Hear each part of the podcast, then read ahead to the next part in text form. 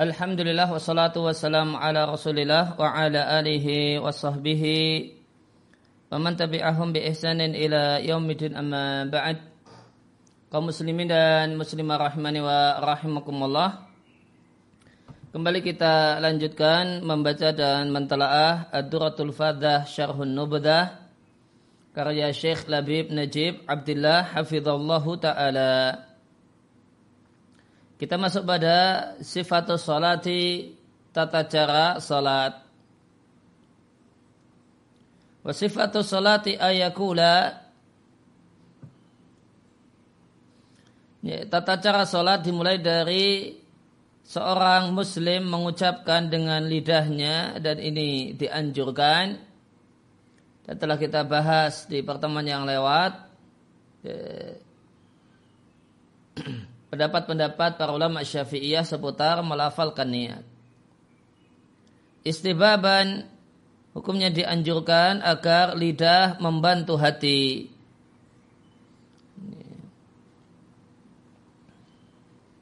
Wa illa karena sebenarnya mahalun niyati tempatnya niat adalah al-qalbu hati. Catatan kaki satu. Dan niat itu memiliki tujuh ketentuan yang semuanya terkumpul dalam perkataan seorang pembuat nazam. Hakikatun hukmun mahalun wa zamanun. Ada pembahasan tentang hakikat niat hukum niat tempat niat yaitu hati waktu niat yaitu pada awal gerakan. Tata kaifiyatun tata cara syartun syarat niat wa maksudun dan maksud niat. Hasanun atau hal yang bagus. Maka seorang musalli mengucapkan dan ini hukumnya dianjurkan menurut al-mu'tamad dalam madhab usalli fardu subahi saya salat fardu subuh. Dan ini yang wajib. Kemarin telah kita bahas yang wajib adalah dalam salat fardu adalah niat berbuat kemudian muayyan, ta'yin, ya, subuh, duhur dan yang lain atau yang lain kemudian fardiyah. Penegasan kalau itu fardu. Adapun ini lillahi ta'ala maka ini tidaklah satu hal yang harus ada dalam niat. Namun ini satu hal yang dianjurkan. Saya mau sholat fardu subuh dua rakaat karena Allah Ta'ala masalan misalnya. Jika statusnya adalah makmum, maka wajib berniat sebagai makmum. Dan jika musafir dan sholatnya di kosor semacam dur dan asar, maka harus pasang niat kosor. Nah kalau jadi makmum harus niat jadi wajib jadi makmum. Sedangkan untuk jadi imam itu tidak wajib berniat jadi imam. Karena yang penting adalah makmum dalam sholat jamaah. Yang yang penting adalah makmum berniat sebagai makmum. Kecuali untuk sholat Jumat atau semisal sholat Jumat. Dan imam berniat, ujuban wajib berniat sebagai imam untuk semacam sholat Jumat.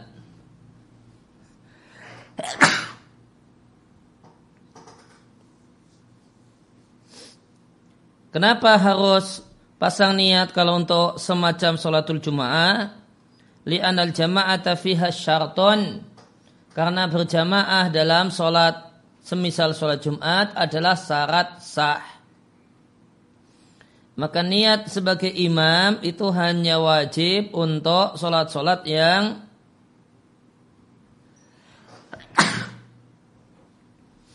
yeah hanya wajib untuk sholat-sholat yang berjamaah dalam sholat tersebut adalah syarat sah sholat.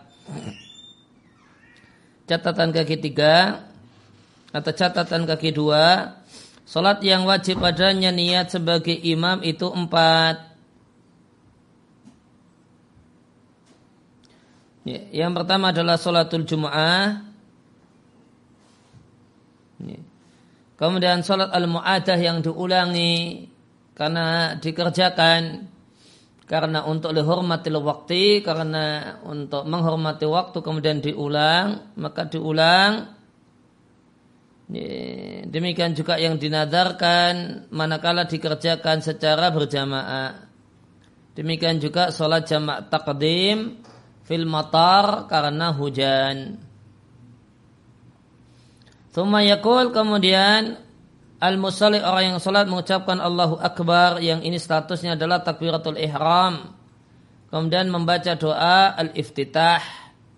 Di antara contohnya adalah Allahu Akbar kabira walhamdulillahi kathira wa subhanallahi bukrata wa asila.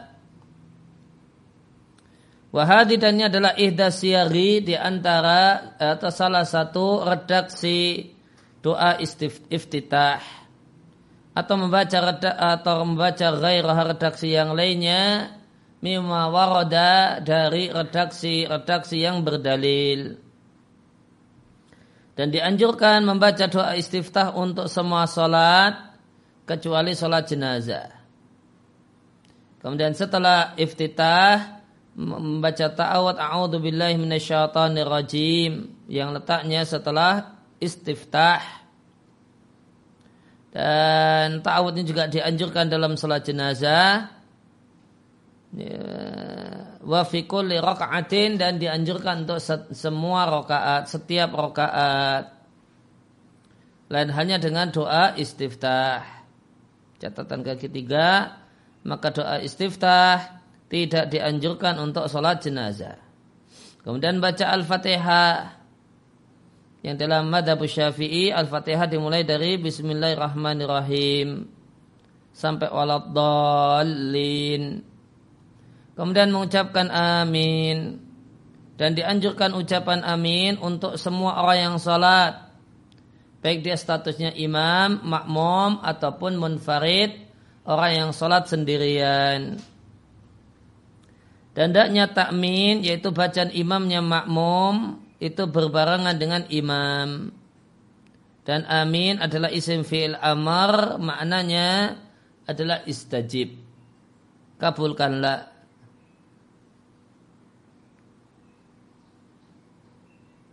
Kemudian mengucapkan bismillahirrahmanirrahim, catatan kaki empat. Dan basmalah adalah ayat untuk semua surat kecuali surat taubah. Dan baca kulhuallahu ahad misalnya sampai walam yakul lahu kufuan ahad. Wala tustahabu dan tidak dianjurkan membaca surat setelah Al-Fatihah untuk sholat jenazah. Kemudian setelah membaca Al-Fatihah dan surat, thumma yukabbiru raki'a, kemudian baca takbir, raki'an dalam keadaan rukuk, kemudian bertakbir untuk rukuk kailan kailan sambil mengucapkan hina huwihi awi hawihi ketika gerak bergerak menuju rukuk mengucapkan Allahu akbar. Maka Allahu akbarnya itu diucapkan saat bergerak atau dalam proses bergerak. Kemudian mengucapkan ketika rukuk subhana rabbil azim wa bihamdihi salasan sebanyak tiga kali. Wahada, wahada dan ini adalah bagian dari sunnah hayat. Thumma kemudian mengangkat kepala sambil mengucapkan Sami Allahu liman hamidah. Bacaan Sami Allah liman hamidah ini namanya bacaan at-tasmi' Dan dalam madhab syafi'i bacaan tasmi' itu dibaca oleh semuanya. Baik dia imam, imam, makmum ataupun orang yang sholat sendirian. Lain hanya eh, lain hanya dalam madhab hambali. Maka dalam madhab hambali yang membaca tasmi' hanya imam dan orang yang sholat sendirian. Eh, makmum tidak membaca tasmi'. Namun langsung Rabbana walakal hamdu. Jadi kalau dalam madhab syafi'i, tiga-tiganya membaca bacaan at-tasmi' baik imam, makmum ataupun orang yang salat sendirian. Faidan tasoba qaima jika telah tegak berdiri ya, dalam posisi i'tidal kemudian membaca Rabbana walakal hamdu hamdan kathiran tayyiban mubarakan fih mil as-samawati wa mil al-ardi wa mil ma syi'ta min syai'in ba'du. Wa yazidu fi dan ditambahkan kalau rakaat kedua salat subuh As-subah fi thaniyati subahi dalam rakaat kedua salat subuh al-kunuta bacaan kunut. Allahumma dini fi man hadait wa afini fi man afait wa tawallani fi ma tawallait wa barik li fi ma atait wa qini syarra ma qadait fa innaka taqdi wa la yuqda alaik wa innahu la yadhillu man walait wa la ya'izzu man adait. Tabarok rabbana wa ta'alait falakal hamdu ala ma qadait astaghfiruka wa atubu ilaik. Wa sallallahu ala sayyidina Muhammadin nabiyil ummi wa ala ali wa sahbihi wa sallim atau wasallam. Kemudian ada uh, catatan kaki lima faedah. Uh, diam yang diperintahkan dalam sholat itu ada enam. Ya, yang pertama adalah as-saktatun diam sesaat antara takbiratul ihram sebelum membaca doa iftitah. Kemudian diam sesaat antara doa iftitah dan ta'awud. Diam sesaat antara ta'awud wal fatihah dengan membaca al-fatihah atau untuk orang yang tidak membaca al-fatihah adalah gantinya al-fatihah dan diam sejenak antara dalin dan amin. Diam sejenak antara amin dan surat. Kemudian saktatun diam sejenak antara surat dan ruku. Nah, berapa lamakah diamnya? Wa kulluha biqadri subhanallahi. Semua semua diam tadi kurang lebih cuma seukur membaca subhanallah. Artinya singkat sekali.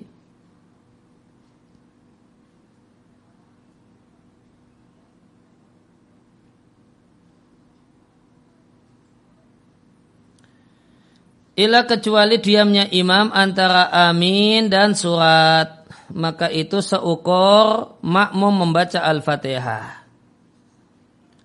Wal aula dan yang lebih baik lil imam bagi imam ketika diam tersebut menyibukkan diri hina idin pada saat diam yang lama antara amin dengan surat. Ya, imam me, e, makmum membaca Al-Fatihah sedangkan imam menyibukkan diri dengan doa kiraatin atau membaca secara sir dan membaca Al-Quran itu yang lebih baik. Wahina idin dan pada saat itu sehingga tasmiyatu dalika sukutan menamainya dengan nama diam itu cuma bihasa bidzahiri fakat itu cuma kelihatannya saja. Namun uh, perlu diketahui bahwasanya uh, hadis yang menunjukkan bahwasanya imam dianjurkan untuk diam yang lama sebelum membaca surat hadis-hadis yang taif.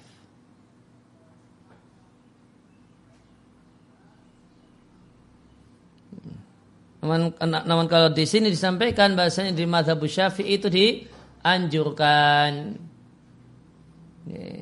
Uh, oleh karena itu maka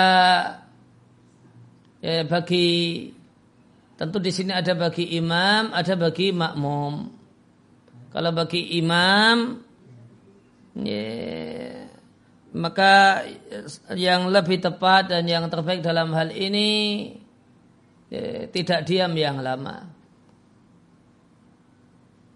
Namun, e, namun seandainya dia diam yang lama karena mengikuti e, al-madhab, maka dan itulah yang dan sebatas itulah yang dia ketahui maka tidak mengapa. Sedangkan bagi makmum jika dia mengetahui ada imamnya yang mengamalkan hal ini maka hendaklah dia hendaklah dia manfaatkan untuk membaca al-Fatihah.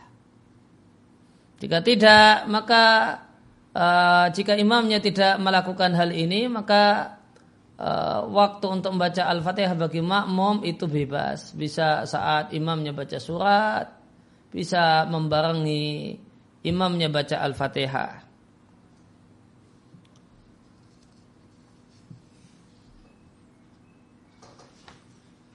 Nah, kemudian selanjutnya di halaman 52 kemudian bergerak untuk sujud sambil mengucapkan Allahu Akbar.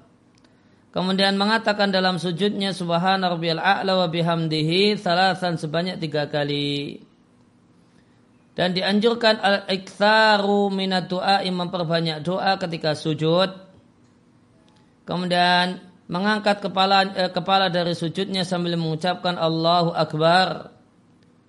Thumma yajlisu kemudian duduk di antara dua sujud. Kemudian sujud yang kedua seperti sujud yang pertama. Thumma yarfa'u sujudi. Kemudian mengangkat kepala dari sujud yang kedua karena ini rokaat kedua. Wa yajlisu tasyahudi dan duduk untuk membaca bacaan tasyahud. Wa yakra'uhu dia membaca bacaan tasyahud dan wasiratuhu dengan redaksi sebagai berikut. At-tahiyatul mubarakatus salawatut thayyibatu lillah. Assalamu alayka ya nabi wa rahmatullahi wa barakatuh. Assalamu alayna wa ala ibadillahi salihin. Asyhadu an la ilaha illallah wa asyhadu anna Muhammadar Rasulullah. Thumma yusalli ala nabiyyi idza kana idza kana tasyahudul awal ditambah salawat Nabi jika itu tasyahud pertama. Allahumma salli ala Muhammadin. Wa ila jika bukan tasyahud pertama non tasyahud yang kedua maka salawat Nabi wa alal alil kiram ditambah plus warga Nabi yang mulia di tasyahud akhir. Alamat taqaddama tafsiluhu sebagaimana telah lewat rinciannya Kemudian mengucapkan Allahumma salli ala Sayyidina Muhammadin. Ya Allah, uh, sanjunglah junjungan kami Muhammadin Muhammad. Kenapa ditambahkan Sayyidina? Mura'atan lil adabi dalam rangka memperhatikan adab dan sopan santun dengan sang Nabi. Di catatan kaki satu disampaikan oleh Al-Alama Ar-Ramli di Nihayatul Muhtaj beliau katakan wal afdal yang yang terbaik al ityanu bil lafzi siyadati membaca uh, lafat sayyidina sebagaimana dikatakan oleh Ibnu Dhahirah dan Sarahabi Jam'un ditegaskan oleh sejumlah ulama Syafi'iyah. Wabihi dan inilah yang difatwakan oleh Asyarih yaitu Jalaluddin Al-Mahalli Kenapa ini yang afdal? Alasannya li'anna fihi al-ityana bima umir nabihi. Karena dengan membacanya berarti kita melaksanakan apa yang diperintahkan kepada kita waziyadatul ikhbari waziyadatul ikhbari bil waqi'i ditambah ya, mengkabarkan realita bahasanya beliau adalah sayyid kita alladhi huwa adabun yaitu merupakan bentuk adab fawa afdalu min tarkihi maka itu yang lebih utama daripada meninggalkannya. Ya, maka uh, kita lihat para ulama syafi'iyah menilai bahasanya tambahan Sayyidina ini mimbaf afdaliyah. Hal yang dianjurkan bukan sebuah keharusan. Artinya seandainya orang tidak mengucapkannya karena mengikuti redaksi hadisnya redaksi hadis yang ada maka tidak mengapa. Muhammadin Muhammad abdika wa rasulika nabil ummi wa ala ali sayyidina Muhammadin wa aswaji wa dhuriyati kama salaita ala Ibrahim wa ala ali Ibrahim fil alamin innaka Hamidum Majid. Wa barik ala sayyidina Muhammadin wa ala ali sayyidina Muhammadin wa aswaji wa dzurriyyati kama barakta ala Ibrahim wa ala ali Ibrahim fil alamin innaka Hamidum Majid. Maka di sini kita lihat redaksi salawat dari matan anubdah yang Sayyidina cuma untuk Nabi kita Muhammad sallallahu alaihi wasallam tanpa untuk Nabi Ibrahim. Kalau Nabi Ibrahim tanpa Sayyidina. Kemudian berkenaan dengan nama Allah innaka hamidun. Maka hamidun itu mengikuti wazan fa'ilun. Dan wazan fa'ilun itu memiliki dua kemungkinan. Terkadang fa'ilun itu maknanya fa'ilun. Dan terkadang fa'ilun itu maknanya maf'ulun. Sehingga di sini disampaikan imma boleh jadi fa'ilun di sini maknanya maf'ul. Ya, ay mahmudun. Karena Allah adalah zat yang memuji dirinya sendiri dan dipuji oleh para hamba-hambanya. Yang kedua atau e, fa'il di sini maknanya fa'il. Di karena Allah itu memuji perbuatannya sendiri dan amal taat hamba-hambanya. Majid dari kata-kata al-majdu. Al-majdu maknanya adalah asyarab kemuliaan, warifah dan ketinggian. Ya, wa karamu zat, mulianya zat dan mulianya perbuatan. Di antara perbuatan Allah yang mulia adalah kasratul ifdal, banyak memberi nikmat dan karunia.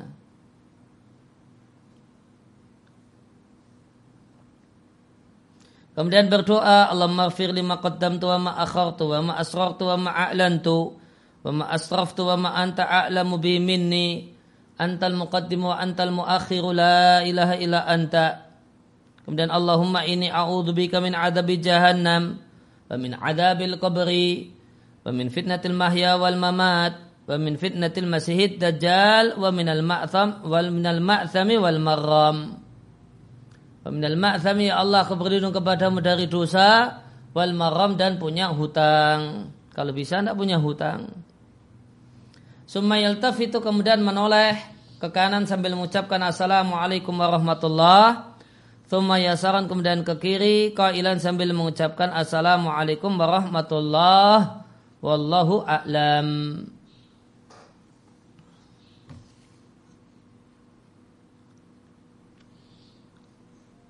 yaitu gambaran tata cara uh, salat dalam madhab syafi'i.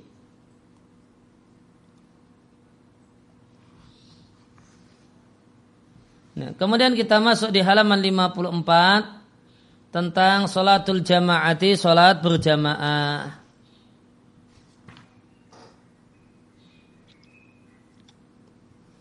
Maka tentang hukum salat berjamaah dalam madhab syafi'i ada tiga pendapat.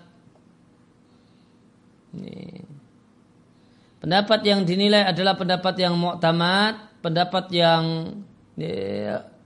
resminya madhab adalah pendapatnya Al-Imam An-Nawawi yang mengatakan bahasanya Salat berjamaah bagi laki-laki hukumnya fardu kifayah.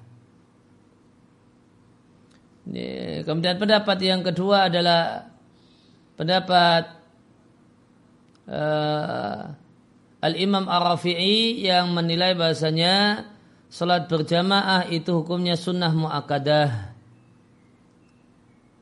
Kemudian yang ketiga adalah pendapat sebagian al-ashab para ulama syafi'iyah senior semacam Ibnu Mungdir dan yang lain yang mengatakan bahasanya salatul Salatul jamaati hukumnya adalah fardu ain. Ya, maka siapa yang berkeyakinan bahwasanya salat berjamaah itu fardu ain, dia tidaklah lepas dari, tidaklah keluar dari al-madzhab syafi'i. Karena di antara pandangan ulama syafi'iyah adalah pandangan yang mengatakan bahasanya salat berjamaah bagi laki-laki hukumnya fardu ain. Dan di sini eh, yang disampaikan di matan adalah pendapat yang mu'tamad dalam madhab yaitu fardu kifayah.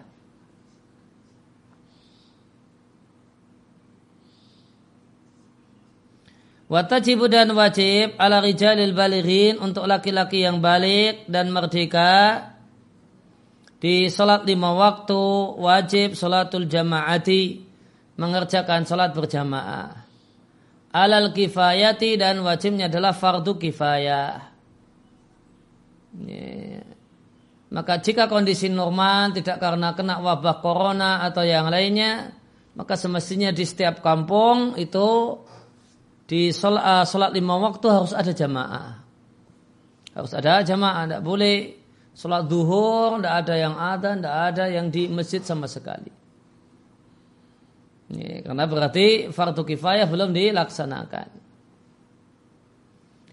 Ai fardu kifayatin artinya sholat berjamaah itu fardu kifayah. Dan fardu kifayah adalah ya, muhimun satu hal yang penting yang syariat bermaksud husulahu terwujudnya perbuatan tersebut tanpa melihat secara spesifik lifailihi pelakunya. Yang penting ada uh, perbuatan ini dilaksanakan siapa pun yang melakukannya. Sedangkan dalam salatul Jumu'ah maka jamaah itu fardu ainin, fardu ain.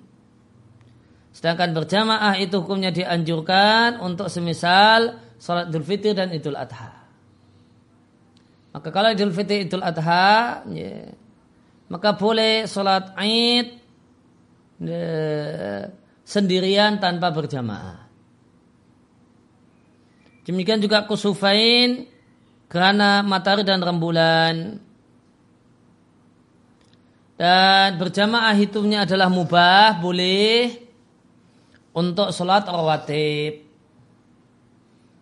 dan selayaknya tidak di dirutinkan dan dibiasakan. Kadang-kadang sholat sunnah atau sholat semisal rawatib dilakukan dengan berjamaah hukumnya boleh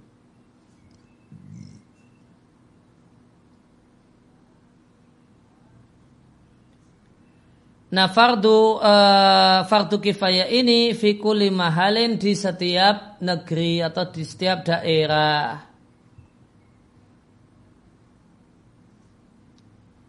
Nah tolak ukur uh, fardu kifayah sudah terlaksana itu seperti apa? Tentu kan ada patokannya, perlu patokan. Ini fardu kifayah sudah terwujud ataukah belum? Ya, maka di sini sampaikan di Ad-Durrah Al-Fadah disampaikan patokannya. Bihai suyat harus syiaru bi iqamatiha. Dengan terlihatnya syiar ditegakkannya sholat berjamaah. Jadi kalau jamaah di kampung tersebut cuma sedikit, ini kampung yang ramai, namun yang di masjid itu cuma dua orang, satu imam satu makmum. Nah, Apakah ini sudah terwujud uh, apakah sudah terwujud syiar salat berjamaah di kampung itu? Tentu jawabannya belum. Maka berarti fardu kifayah belum dilaksanakan.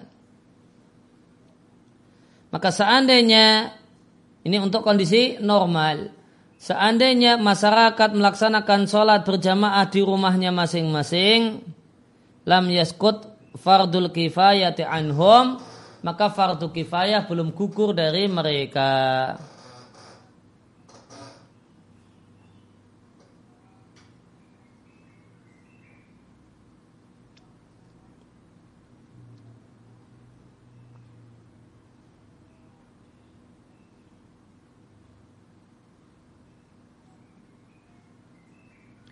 Nah, kemudian berkenaan dengan hal ini tentu ada ya, mendapatkan pahala sholat berjamaah kemudian mendapatkan nah, eh, rokaat bersama imam itu tolak ukurnya beda-beda.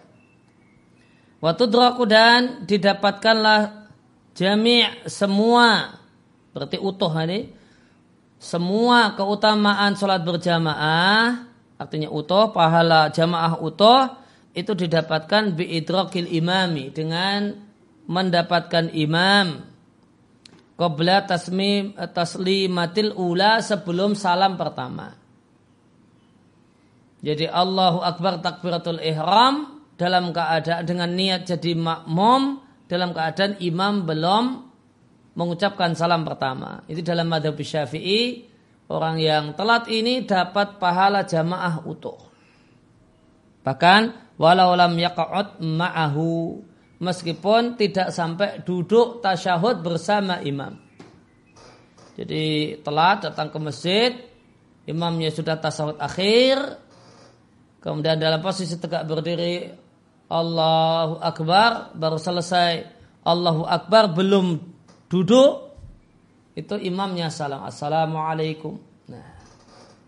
Maka dalam madhab syafi'i si makmum masbuk ini mendapatkan pahala sholat berjamaah utuh jami'u fadilatil jama'ati Wa amal Jum'atu adapun sholat Jumat maka tidaklah didapatkan fatu drop maka didapatkan syaratnya atin mendapatkan satu rokaat bersama imam. Artinya telah gabung bersama imam sholat Jumat sebelum imam mengangkat kepala dari rukuk di rokaat kedua. Kalau dapatnya ya setelah itu dapatnya iktidal bersama imam di rokaat yang kedua, maka makmum masbuk ini ikut gabung takbiratul ihram dengan niat sholat duhur. Tidak dengan niat sholat al-jumu'ah. Karena dia tidak mendapatkan Jumu'at bersama imam. Nah, setelah imam salam, dia berdiri sholat empat rakaat sholat duhur. Wa aqaluha dan minimal salat jamaah yaitu jamaah fi ghairil jumu'ati untuk selain salat Jumat adalah satu imam satu makmum. Wa kasratul jam'i dan banyaknya makmum itu dianjurkan illa fi suwarin kecuali dalam beberapa kasus.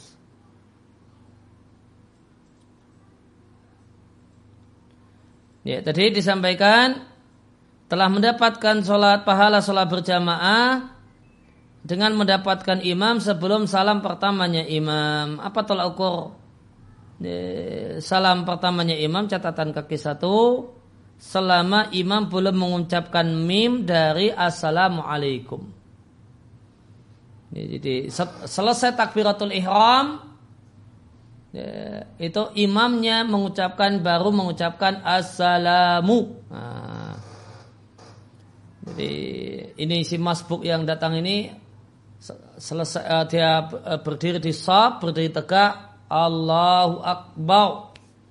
Nah, Allahu Akbar itu bareng dengan as, mim di assalamu. Nah, itu masih dapat pahala jamaah. Karena selama belum imam mengucapkan mim dari assalamualaikum. Faidah tamma maka jika telah selesai taharumuhu taharum itu membaca takbiratul ihram. Qabla nutqi biha sebelum imam mengucapkan huruf mim di assalamualaikum soha iktidauhu maka sah statusnya sebagai makmum. Wa adraka fadilatal jama'ati dia mendapatkan fadilah dan pahala salat berjamaah. Meskipun wa in kana thawabuhu tuna thawabi man atrakaha min awwaliha ila akhiriha. Meskipun pahalanya tentu di bawah nih, pahala makmum yang mendapatkan jamaah dari awal sampai akhirnya.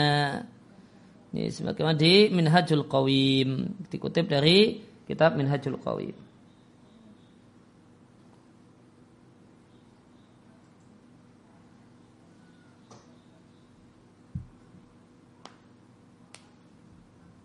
Ya, kemudian tadi makmum yang banyak itu dianjurkan kecuali dalam beberapa kasus. Kita lihat catatan kaki dua.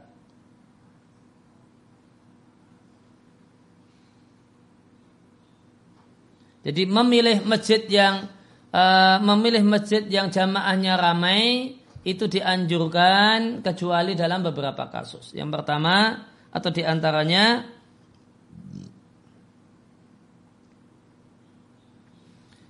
Idza kanal imamul jama'atil kathiri jika imam sholat jamaah yang masjidnya ramai itu adalah imamnya fasik. Yang masjid yang lainnya yang jamaknya sedikit, imamnya muslim yang taat. Maka lebih baik ikut ya, ya, masjid atau ikut ya, masjid yang jamaahnya sedikit. Di masjid itu jamaahnya ramai. Kenapa? Karena imamnya merdu. Ya, namun imam yang merdu ini dia sekaligus penyanyi dangdut misalnya. Dangdutnya dangdut koplo lagi. Nah, dia jadi imam suaranya merdu sekali. Orang ramai uh, mengikutinya jadi makmumnya karena keindahan suaranya. Nah, di sini imamnya polos-polos saja zamannya sedikit, namun ya, ya, dia adalah seorang muslim yang taat. Pilih mana? Maka kata Syafi'iyah, ya, pilih yang jamaknya sedikit, imamnya tidak fasik. Daripada jamaknya banyak, namun imamnya fasik. Yang kedua, atau ya ta'allatu ya masjidun qaribun jama'atu qalilatun atau masjid yang dekat rumah itu jadinya ya kosong yang jamaahnya sedikit karena mereka orang-orang tidaklah hadir kecuali jika dia hadir. Kenapa? Karena dia muadzin. Nah, ini ada orang dia statusnya muadzin, baik resmi atau muadzin resmi atau tidak resmi yang jelas. Kalau dia adzan nanti ada orang yang datang. Kalau dia tidak adzan, tidak ada orang yang datang di masjid dekat rumahnya. Ini. Namun kalau dia azan ya yang datang paling lima mentok sepuluh gitu. Ada masjid yang ramai, jamaahnya ratusan. Agak jauh jamaahnya banyak sekali. Nah untuk si si muadzin ini si muadzin ini yang lebih afdal bagi dia adalah masjid dekat rumahnya yang zamannya sedikit yang jika dia datang ke masjid maka orang-orang pada datang ke masjid meskipun tidak banyak daripada dia itu lebih afdal di masjid tersebut daripada pergi ke masjid yang zamannya ramai dengan dampak masjid dekat rumahnya itu jadi kosong.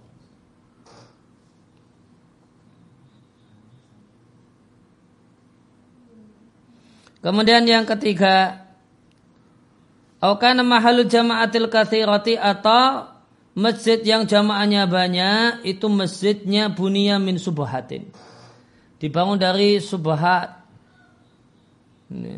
Atau bahkan suruhnya dibangun dan dibangunkan oleh Bang Ribawi misalnya. Seluruhnya utuh dibangunkan oleh Bang Ribawi. Itu namun jamaahnya banyak sekali. Fal jama'atul qalilatu afdalu fi hadis suwari maka dalam kasus-kasus ini ke masjid yang zamannya sedikit itu yang lebih afdol. Ada dua masjid, masjidnya bagus, AC macam-macam, namun itu utuh dibangun sama Bang Ribawi. Ini ada masjid biasa, masjid zamannya sedikit. Ya, ya karena bukan masjid yang bagus, yang fasilitasnya wah. Ya, namun secara umum bisa kita katakan sumber pembangunan masjid ini jelas ya, jelas sumbernya. Nah, ini lebih afdal ke jamaahnya yang jumlahnya yang sedikit daripada yang zamannya ramai namun masjidnya bermasalah.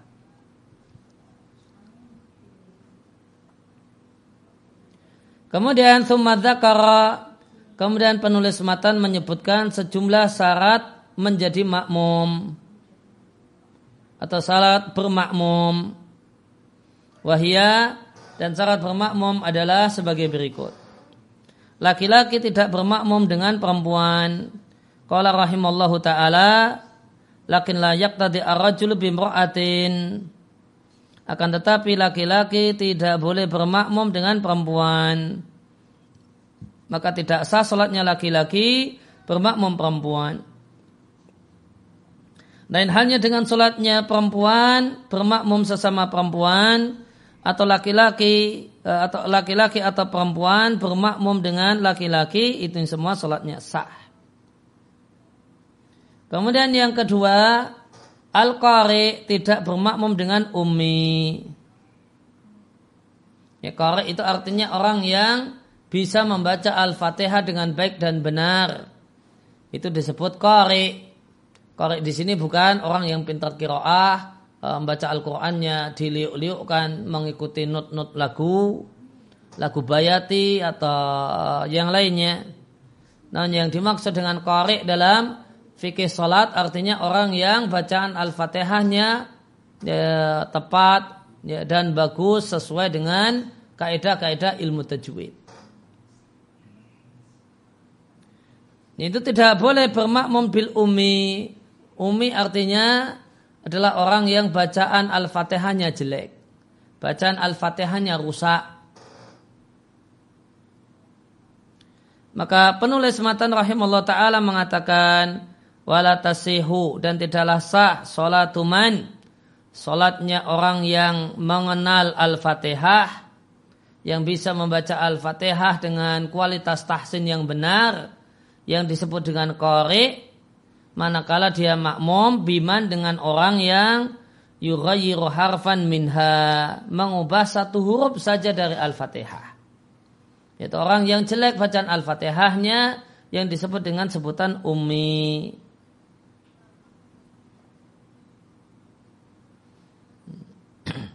Karena jika ada makmum yang itu qari maka hendaklah dan semestinya dialah yang jadi imam. Ini. Uh, orang yang ummi yang tidak bisa membaca Al-Fatihah dengan baik dan benar boleh jadi imam untuk orang yang sesama ummi. Watasi salatul adli sah salatnya orang yang bertakwa bermakmum kepada orang yang fasik. Kalau tolak ukur sah maka sah imamnya fasik itu sah. Meskipun itu kurang afdol. Yang terbaik adalah kalau memungkinkan cari uh, imam yang dia orang yang baik agamanya. Dan sah um, solatnya orang yang balik bermakmum dengan murahik. Murahik adalah orang yang hampir balik.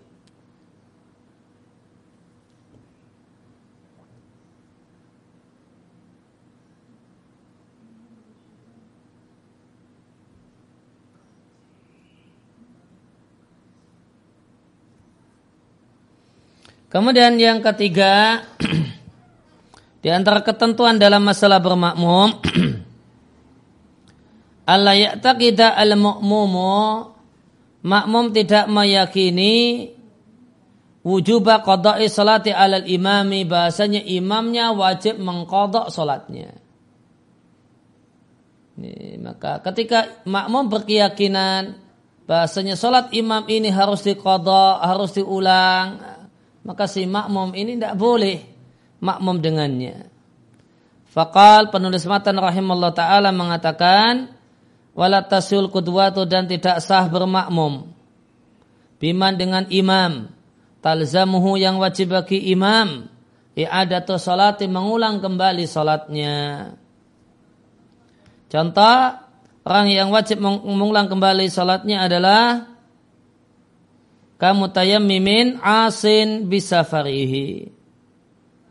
Semacam orang yang tayamum dalam keadaan dia ya, bermaksiat dengan safarnya.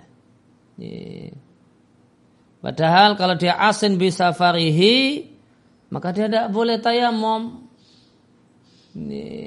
Karena karena itu ruhsah dan tidak ada ruhsah untuk uh, asin bisa farihi.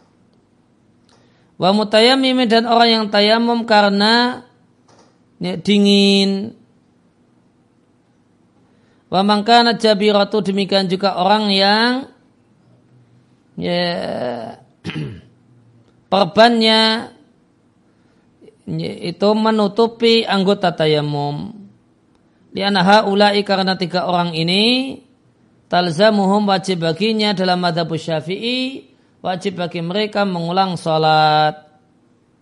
Maka tidak sah bermakmum dengan salah satu dari ketiganya. Walau kanal makmum meskipun si makmum itu semisal dengan imam. maka dikatakan tidak sah bermakmum. Maka di sini di, disampaikan dan disebutkan contoh orang yang uh, punya kewajiban untuk mengulang sholatnya.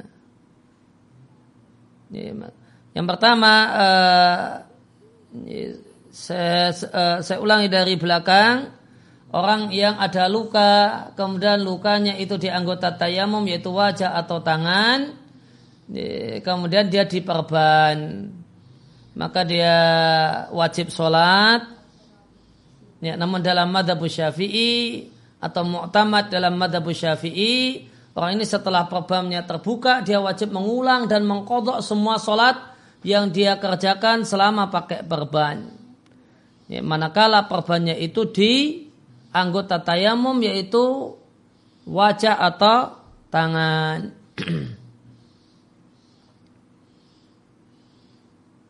itu muqtamad dalam madhab. Jadi jika seorang itu luka kemudian diperban dan luka dan perbannya ini ada di anggota tayamum. Maka selama dia pakai perban dia wajib sholat seperti biasa namun semua sholat tersebut wajib dikodok setelah perbannya bisa dilepas dan dia toharah secara normal. Ini mu'tamad dalam madhab. Meskipun uh, dalam masalah ini Imam Nawawi punya ikhtiar pendapat pribadi yang mengatakan bahasanya orang ini tidak perlu mengulang orang ini tidak perlu mengulang sholatnya dan mengulang atau mengkodok sholatnya. Kemudian yang kedua adalah orang yang tayamum karena faktor dingin. Dan khawatir kalau berwudu dalam keadaan dingin akan jatuh sakit. Ini adalah orang yang uh, punya kewajiban mengulang sholatnya atau mengkodok sholat. Apa beda mengulang sholat sama mengkodok sholat? Ini. Kalau mengulang sholat artinya waktu sholat belum habis. Mengkodok sholat artinya sholat dikerjakan setelah waktu sholat itu berakhir. Maka misalnya uh, cuaca dingin, badan terasa kurang fit, gerges, atau semacam itu, maka tayamum untuk sholat subuh. Sebelum subuh berakhir, badan terasa segar, ah bisa uh, bisa berwudu atau mandi asalkan pakai air hangat. Maka sebelum waktu subuh berakhir, subuhnya diulangi. Ini namanya iadah. Mengulangi sholat. Namun jika sampai subuh berakhir, kondisinya belum stabil, baru badannya itu stabil jam 9 pagi misalnya. Maka di madhab syafi'i orang ini dan wajib Ya, berwudu atau mandi kemudian mengkodok sholat subuh yang tadi dikerjakan dengan tayamum karena faktor dingin. Kemudian yang ketiga di antara orang yang punya kewajiban untuk mengulang atau mengkodok sholat yang dikerjakan adalah orang yang tayamum dengan status asin bisafarihi. Maka Maksiat ketika safar itu ada dua macam. Yang pertama disebut asin bisafarihi, kemudian ada asin fi safarihi. Disebut asin bisafarihi manakala tujuan safar itu maksiat. Ya, orang Jogja safar ke Surabaya ya, mau ketemu pejabat, mau ngasih uang suap. Maka safar ke Surabaya itu statusnya asin bisafarihi. Ya, kaidah dalam madhab syafi'i atau bahkan ini jumhur tidak ada rukhsah, tidak boleh rukhsah diambil oleh asin bisafarihi. Ini kaidah eh, kaidah dalam madhab syafi'i bahkan kaidah jumhurul fukoha. Kalau orang itu statusnya asin bisa farihi, ya, tidak boleh melakukan semua rusoh. Kosor, jamak, tayamum dan yang lainnya. Sehingga orang ini ya, orang yang ke Surab, orang Jogja yang ke Surabaya tadi nanti setelah balik ke Jogja tadi di Surabaya dia ternyata uh, sakit sehingga tayamum nanti sampai Jogja wajib dia kodok semua uh, sholatnya yang sholat tersebut dia kerjakan dalam keadaan mengambil ruhsah. Karena dia tidak boleh pakai ruhsah. Karena dia asin bisa farihi. Kemudian yang kedua ada asin bisa farihi. Adalah orang yang pergi ke satu tempat dan tujuannya tujuan mubah, tujuan yang boleh. Mau silaturahmi atau yang lainnya silaturahmi ke tempat saudara, ada urusan bisnis atau yang lain. Kemudian dalam dalam perjalanan safar tersebut dia melakukan maksiat. Ketemu orang temannya akhirnya menggunjing riba. Ketemu orang eh, selama dalam perjalanan oh terutama teman lamanya akhirnya ngobrol nostalgia cerita masa SMA, kemudian e, ngerasani dan menggunjing guru SMA-nya dan sebagainya. Maka itu namanya asin fi safari. Tujuan safarnya mubah, namun dalam safar dia melakukan maksiat. Nah kalau orang itu asin fi safarihi, ya, masih diperkenankan untuk mengambil ruhsah ruhsah yang ada semacam jamak sholat atau mengkosor sholat atau tayamum dan yang lain. Kemudian ketentuan yang keempat Allah ya'lamal ma'mumu makmum tidak mengetahui batalnya sholat si imam. Maka penulis matan rahimahullah ta'ala mengatakan wala tasiu tidak sah bermakmum biman dengan imam alima yang si makmum ini mengetahui butlana solatihi kalau solatnya makmum itu batal. Bimatafaqa dengan pembatal yang keduanya makmum dan imam itu sepakat batal solat karena faktor semacam ini. Binahwi hadasin semacam hadas. Jadi makmum itu tahu kalau imamnya itu tadi kentut sebelum sholat. Namun si imam boleh jadi lupa kalau dia tadi habis kentut belum uh, wudhu lagi. Nah, makmum yang tahu atau calon makmum yang tahu ini imam saya baru saja kentut dan dia belum wudhu lagi. Maka tidak boleh bermakmum dengan orang ini. Ini kalau ini yang Poin bimatafaqa ala butlani sholati bi. Keduanya sepakat kalau sholat itu batal karenanya. Atau bi'tiqadi dalika dengan keyakinan hal itu. Wa ilam yahkun meskipun tidak memfonis bil butlan batal sholat. Kakhtilafin kakhtilafi fil kiblati semacam perbedaan pandangan tentang arah kiblat. Maka makmum dan imam ini musafir ya, bareng naik gunung, kemudian tersesat, nah, kemudian mereka tidak sepakat tentang arah kiblat. Ini si A mengatakan sana arah kiblat, si B mengatakan sana arah kiblat. Maka tidak boleh bermakmum, ya sudah sholat sendiri-sendiri. Yang yakin kiblatnya sana ya silahkan, yang yakin kiblatnya ke sana ya silahkan. Kemudian aufi thaubaini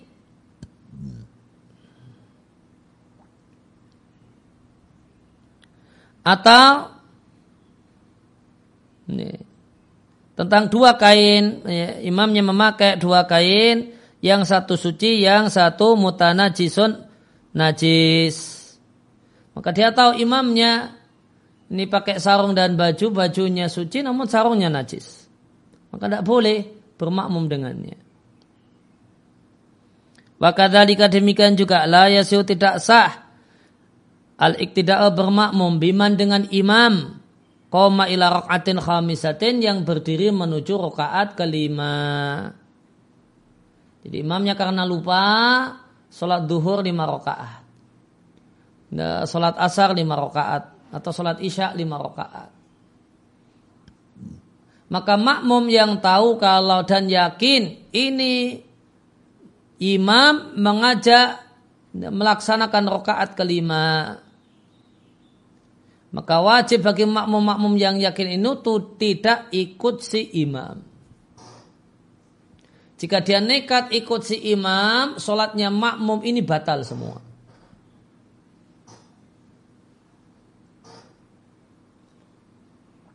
Sehingga sikap yang benar untuk makmum yang tahu kalau ini rokaat kelima. Sikap yang benar adalah bal yufariku imamahu dia tinggalkan imamnya, dia niat sholat sendiri. Ya, sudah, kemudian dia tasahud akhir, niat sendiri, kemudian salam sendiri. Biarkan imamnya berdiri menuju rakaat kelima. Atau yang tadiruhu, saya duduk nunggu imamnya ya, sampai imamnya nanti tasahud, kemudian salamnya bareng si imam.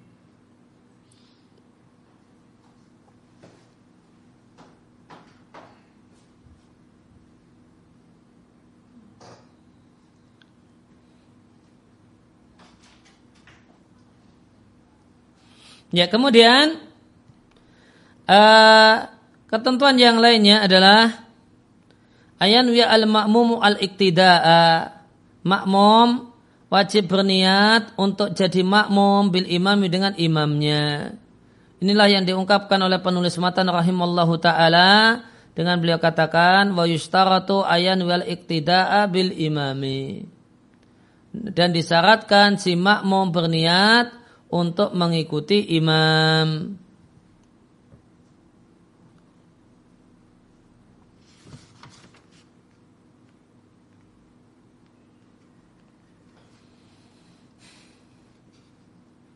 Ya, maka uh, dalam sholat berjamaah yang pokok adalah makmum berniat menjadi makmum. Ya, imam uh, si makmum tetap dapat pahala sholat berjamaah meskipun imamnya tidak berniat jadi imam. Imamnya berniat sholat sendirian, namun makmumnya berniat untuk jadi makmum orang ini. Sedangkan orang itu ya, tidak berniat jadi imam. Makmum tetap mendapatkan pahala sholat berjamaah. Itu yang jadi, jadi yang jadi tolak ukur adalah niatnya makmum. Kecuali tadi dari beberapa sholat yang berjamaah di situ uh, hukumnya uh, adalah sebuah persyaratan atau sejenis itu. Maka imam harus niat menjadi imam semacam sholat Jumat kemudian tadi apa? Sholat jamak takdim. Ini. Kemudian sholat nadar. Atau sholat yang diulangi dan dengan cara berjamaah. Ya, demikian yang kita baca dan kita telah kesempatan sore hari ini. Wassalamualaikum warahmatullahi Muhammadin wa ala rabbil alamin. Ada pertanyaan yang se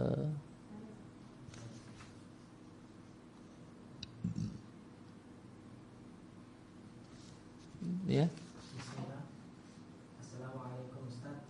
warahmatullah. bertanya, jika surat yang dibaca setelah Al-Fatihah tidak dimulai dari ayat pertama, apakah disunahkan membaca basmalah juga?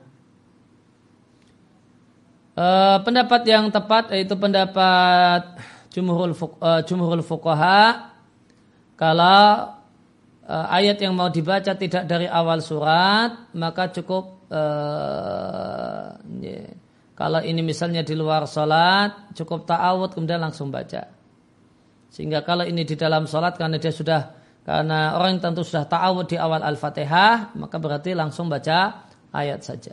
Namun seandainya dia baca bismillah terlebih dahulu juga tidak mengapa.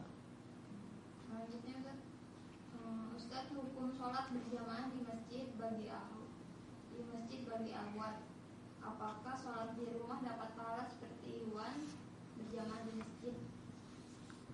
Uh, wanita muslimah yang afdal adalah sholat di rumah. Dan sholatnya sendirian di rumah itu jauh lebih afdal daripada dia sholat berjamaah di Masjid Nabawi dan imamnya adalah Nabi. Artinya pahalanya lebih besar. Maka yang pahalanya lebih besar ya, bagi wanita adalah sholat berjamaah adalah sholat di rumah meskipun sendirian. Nah.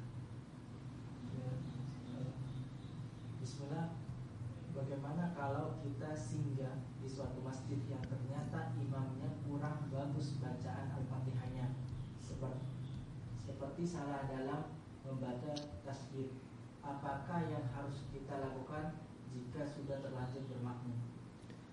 Ya, imamnya menghilangkan huruf tasdid di suratul fatihah maka ini merusak bacaan al-fatihah. Begitu tahu maka niat sholat sendiri. Ya, dia putus niatnya bermakmum dengan imam tersebut. Nah sudah? Ada lagi? Ya. Bagaimana jika di sebuah masjid ada tradisi menjadi imam yang paling tua di kampung tersebut, padahal imam tersebut kurang benar dan kita mengetahuinya? Ya, maka orang yang lebih sepuh jadi imam, dilihat kualitas bacaannya. Jika bacaannya itu rusak, tasjidnya hilang, atau hurufnya berubah, maka harus disadarkan bahasanya ya, kaidah dalam sholat berjamaah bahasanya ya ummul qaum aqra'uhum li kitabillah yang jadi imam dari satu masjid satu rombongan orang sholat berjamaah adalah yang paling bagus kualitas bacaan Al-Qur'annya. Ya, ketika ini tidak uh, ya dikasih perlu diberi masukan di masyarakat diingatkan diedukasi tentang hal ini.